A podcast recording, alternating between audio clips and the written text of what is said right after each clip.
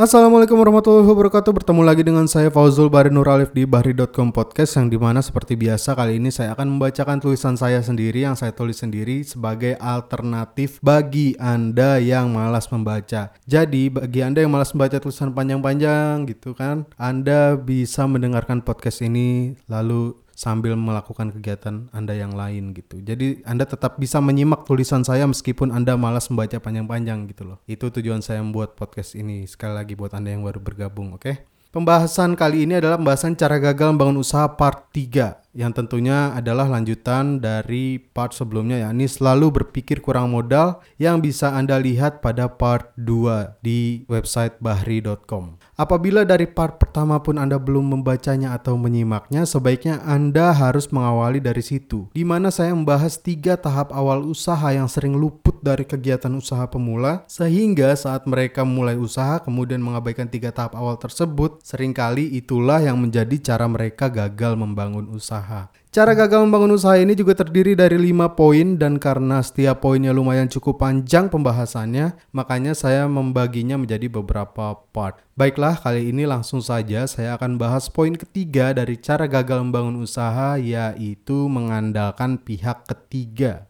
Keinginan membuat usaha sebaiknya ditunda sampai para pendirinya bisa membuat produk utama dengan tangan mereka sendiri. Hal tersebut mungkin terkesan kontroversial, mengingat saat ini banyak sekali yang berwirausaha dengan mengandalkan produk orang lain seperti agen, warung sembako, reseller, dropshipper, dan sebagainya. Namun konteks berwirausaha yang dimaksud di sini adalah usaha yang memang diniatkan untuk besar dan menjadi sebuah perusahaan berbentuk badan sehingga terpisahlah keuangan pribadi dengan uang perusahaan.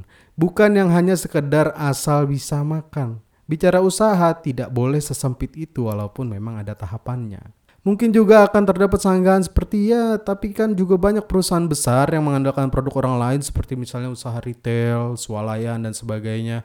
Kalau soal itu berbeda ya, itu bicara soal kebutuhan seperti soal retail, soal layanan dan sebagainya yang disediakan mereka kan justru wadah atau tempat yang strategis untuk menjajakan produk. Jadi supplier produk yang lebih dominan membutuhkan mereka. Swalayan dan retail sendiri ya butuh. Hanya saja tidak jadi kerjasama pun juga tidak apa-apa kan toh nama mereka juga masih ada, wadah mereka juga masih utuh dan banyak produk lain yang juga masih butuh. Ini kenapa bicarain swalayan dan retail sih? Sudah keluar dari substansi nih. Sebenarnya bukan poin itu yang ingin diangkat. Jadi saya akan memberi memberikan sebuah screenshot chat yang bisa Anda lihat di artikel cara gagal membangun usaha part 3 ini untuk membawa Anda langsung kepada kisah menarik dari salah satu teman saya yang tidak mau disebutkan namanya. Pada screenshot chat tersebut bisa dilihat saya telah meminta izin namun ia tidak berani disebutkan namanya dan perusahaannya karena ini kisah terhentinya sebuah perusahaan rintisan berbasis digital atau bisa kita sebut startup Ya, startup yang mungkin saja tidak pernah Anda dengar sebelumnya dan juga tidak akan saya sebutkan di sini.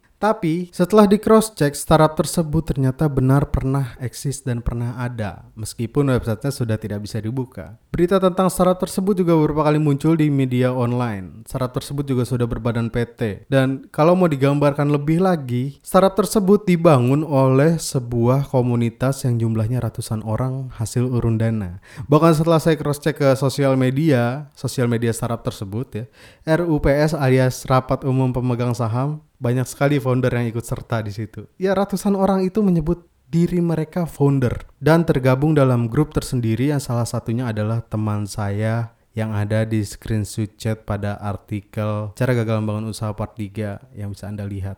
Jika dengar permasalahannya dari curhatan teman saya itu memang sangatlah kompleks. Namun pada intinya startup itu harus terhenti sementara akar masalahnya adalah karena menurut teman saya tahap develop startup tersebut ditinggal sama orang IT yang posisinya sebagai karyawan dan pencetus utama trauma untuk rekrut orang IT lagi. Hanya karena ditinggal beberapa orang, ratusan orang yang disebut founder itu sekarang harus menunggu sambil berharap. Dari ratusan founder, apakah tidak ada satupun yang punya kemampuan web development gitu? Itu pertanyaan saya, atau mungkin punya namun berharap ada pihak lain yang bisa menyelesaikan. Saya bingung sendiri, membatin dalam hati. Agak tidak masuk akal, namun itu nyata. Ini contoh kasus yang menarik dan benar bahwa kata Steve Jobs, bila para pendiri tidak bisa membuat produk awal dengan tangan mereka sendiri, maka mereka tidak pantas mendirikan sebuah usaha. Ya, jadi kalimat yang mengawali poin ini saya sadur dan saya perhalus dari kalimat Steve Jobs. Balik lagi ke kisah startup yang terhenti. Hal itu benar sungguh menarik untuk dibahas. Kalau tidak menarik, tidak mungkin saya sampai minta izin ke teman saya untuk saya angkat. Makin kuatlah poin sebelumnya bahwa modal uang bukanlah yang utama. Buktinya, si startup yang sedang dibahas kali ini, ratusan orang urun dana dan diposisikan sebagai pendiri, gimana bisa kurang uangnya? Namun itu dapat menjadi contoh kasus yang bisa diambil esensinya bahwa mengandalkan pihak ketiga sebagai cara gagal membangun usaha. Kejadian itu bukan hanya terjadi pada apa yang dialami teman saya itu saja. Itu hanya salah satu dari sekian banyak kejadian serupa.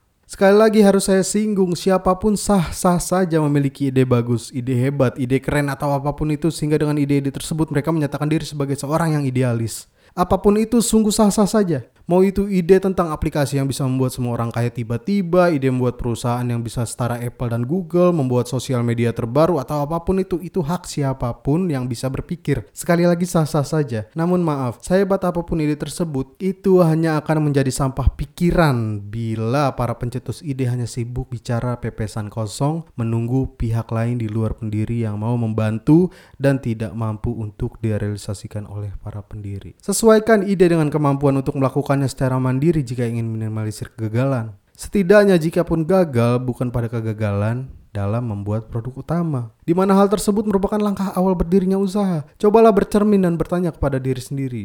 Apa yang bisa saya lakukan sendiri untuk merealisasikan sebuah usaha tanpa harus mengandalkan orang lain? Kalau hanya berpikir ide, saya rasa anak kedua saya yang masih umur 3 tahun juga bisa melakukannya.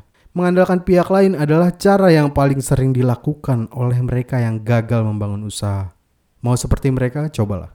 Oke sekian dulu itu dari saya Fauzul Bahri Nur Alif di Bahri.com Podcast Nanti kita akan lanjut pada part selanjutnya part 4 Di mana part 4 itu saya akan membahas cara gagal membangun usaha selanjutnya yakni asal punya partner ini buat kalian-kalian yang tetap keke pengen nih idenya kerealisasi Pengen idenya jadi nyata Pengen ide jadi produk tapi butuh orang lain Dan kalian butuh partner gitu kalau gitu kita bisa berpartner. Kalau misalnya kita nggak boleh ngandelin pihak ketiga di mana pihak ketiga itu karyawan kita bisa punya co-founder kan kalau gitu?